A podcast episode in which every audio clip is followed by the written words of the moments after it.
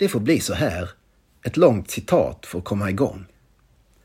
Så med en diskret harkling och en axelryckning inleder Gunnar D Hansson sin nya bok Nervösa nationer. Jag tror mig ha hört Hanssons dikter säga ”det får bli så här” förut, som för att inte allt för tydligt skylta med sina anspråk. Ambitionerna i den här 40 sidor tunna volymen är förvisso av ett mindre format än i den uppmärksammade Tapeshavet från 2017. Men mycket är välbekant för hans läsare. Textens stillsamma utgrävningar i bohuslänska omgivningar, liksom den pågående dialogen med äldre och nyare litteratur. Dikterna går ofta och grunna på vad dikt är och vänder sig gärna till föregångare och fränder. Runius och Borges, Gullberg och Ashbury, Derek Mann och Bengt-Emil Jonsson. Men utan att göra något väsen av sin beläsenhet. Villkoren för sådana inomlitterära samtal har förstås förändrats i Google-galaxen, där alla citat är digitalt genomlysta. Detsamma gäller kanske de geologiska och arkeologiska detaljer som Hansson ofta riktar sin uppmärksamhet mot. Dikten måste på något sätt förhålla sig till dataflödet. Om det nu är genom att välkomna också det i samtalet eller genom att strosa ut i tystnaden bortom sökmotorns oväsen till de avlagringar som ännu inte kanoniserats av några algoritmer. Nervösa nationer består av tre delar, bestämda i undertiteln som två halvprosadikter och en runsten. Runstenen kommer först och den är också halv. Det rör sig om den så kallade Vallastenen som hittades utan sin översta del i en ättehög år 1792 och vars text sedan dess förbryllat alla uttolkare. Kring denna filologiska gåta spinner Hansson fram en fragmentarisk essä.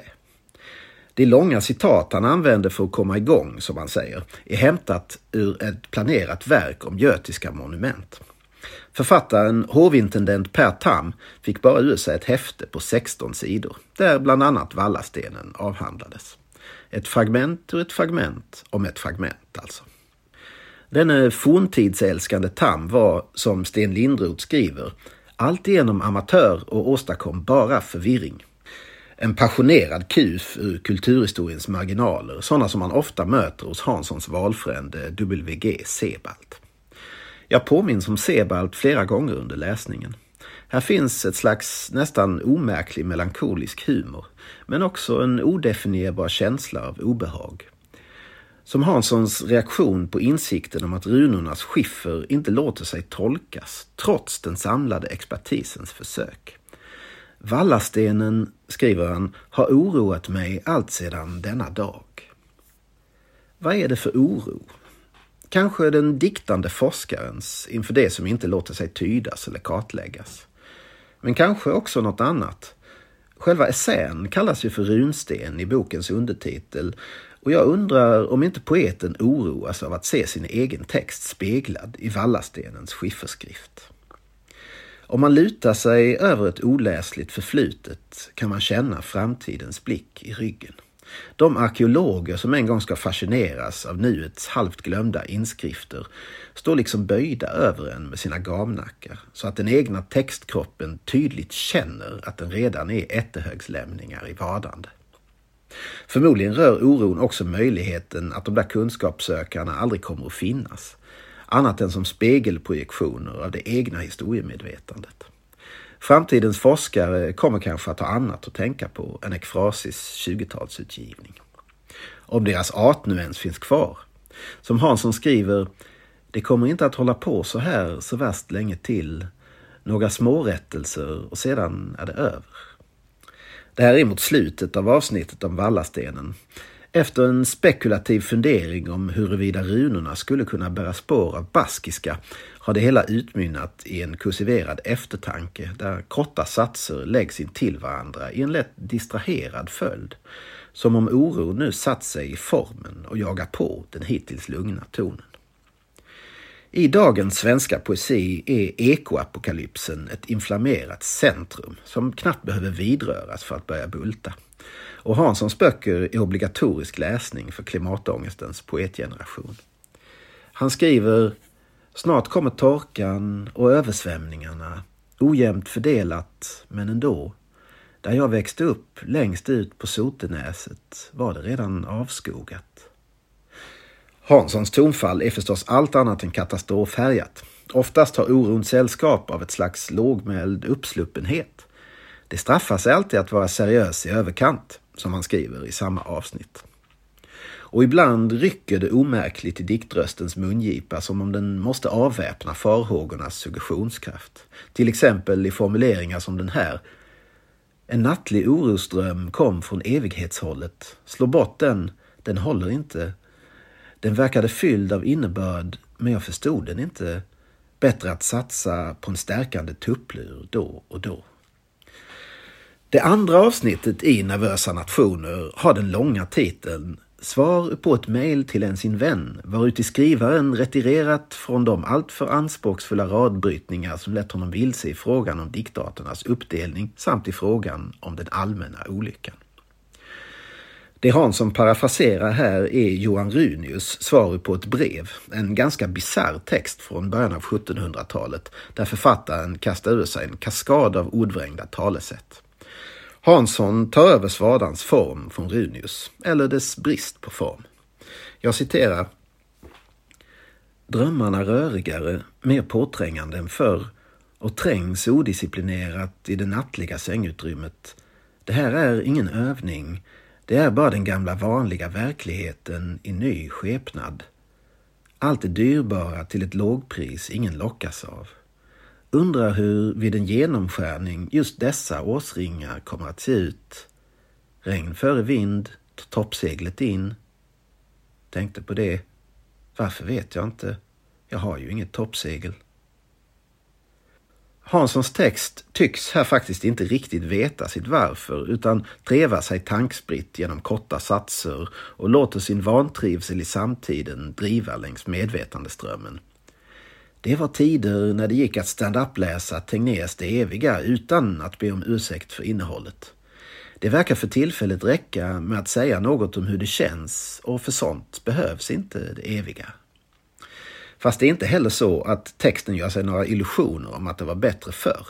Ingenting varar, skriver Hansson, men allt är sig likt, en upprepad obeständighet som ett slags bestämmelse. Efter detta medvetet konturlösa mittparti stramar den avslutande delen av boken upp sig lite och gestikulerar mot en strängare form. Det är en svit bestående av 14 korta prosadikter, liksom boken betitlad Nervösa nationer, som visar sig vara ett slags sonettkrans. Varje dikt inleds som den förra avslutades och den fjortonde slutar som den första började. Men också här har Hansson retirerat från de anspråksfulla radbrytningarna. Först i det femtonde avsnittet, på platsen för den så kallade mästarsonetten som ska bestå av inledningsraderna från de 14 föregående, utkristalliserar sig de typografiska konturerna av en sonett. Men texten är fortfarande prosamässig, ett slags semisonett utan rim och regelbunden meter. Den lyder så här. Vi varnades, men det tycktes inte hjälpa. Pakten med himlen hade omförhandlats i orolig väntan på den nya gryningen. Mer som ett tilltal ur det obestämda. Vatten som vägrar ta ställning och som skiljer oss åt. Kommer jag även denna gång att nå land? Det var helt enkelt bara att blottställa sig. Negation efter negation som en bejakelse. De eviga förändringarna drog ut på tiden. Fördröjningen som tröst, minnet en nyskapelse. En trösterik allegori över själva skapelseprocessen. Det var in vi ville, helt oreligiöst. Ändå handlade det mest om utträde, nervösa nationer i alla väderstreck. Det fascinerande med sonettkransens form är att när den sista sonetten väl framträder är var och en av dess rader laddad med sammanhanget den kommit från. Eller om mästarsonetten istället tänks som kransens utgångspunkt, laddad med sammanhanget som vuxit fram kring varje skärva av den sprängda mästarsonetten. Den första raden, vi varnades men det tycktes inte hjälpa, bär till exempel med sig minnet av en vårdag närmare döden, av en häckningssäsong som skulle kunna vara blåmesarnas sista, av kapplöpning och överkonsumtion, av det ihållande surrandet från bikupor och kraftstationer. Allt det som omtalas i Kransens första dikt. På så sätt lappas den sista dikten ihop av självcitat med djupa meningsfickor. Bortsett från ett par rader som sticker ut med sitt presens och sitt ensamma jag är det ett bakåtblickande vi som står i centrum för sonetten. Tvärt emot posthumanismens alla kredon tycks kollektivet vara mänsklighetens. Liksom tidigare i samlingen där Hansson frågar sig om en miljon lunnefåglar börjar förstå hur det är ställt, varför inte vi? Var befinner sig detta vi här i bokens sista dikt? Sonetten talar om en varning som inte hörsammas, en antydan om den annalkande undergången. Men här finns också minnets upprepning av skapelsen. Den dubbla frånvaron av gryning och land blir ett negativ ur vilket bilden av natt och hav framkallas. Hos mig väcker det associationer till Mosebokens skapelseberättelse, det mörker där Guds ande är över vattnet, som sen förnekas av ordet oreligiöst.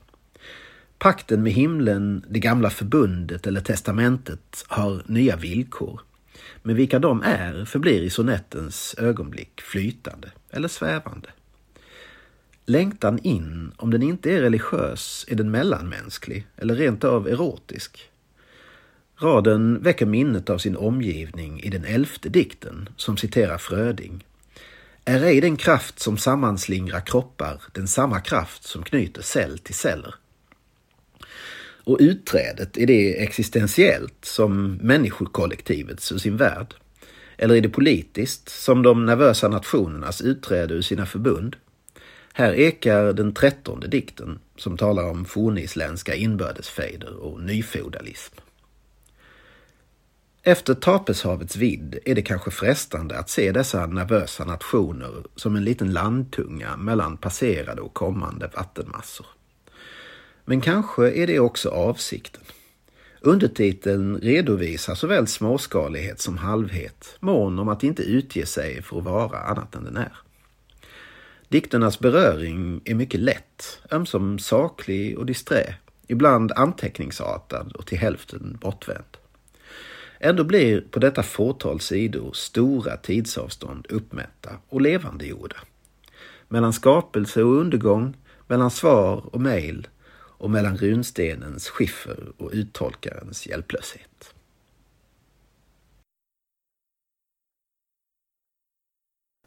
Den här recensionen är originalpublicerad på www.ornenochkrakan.se under ansvarigt utgivarskap.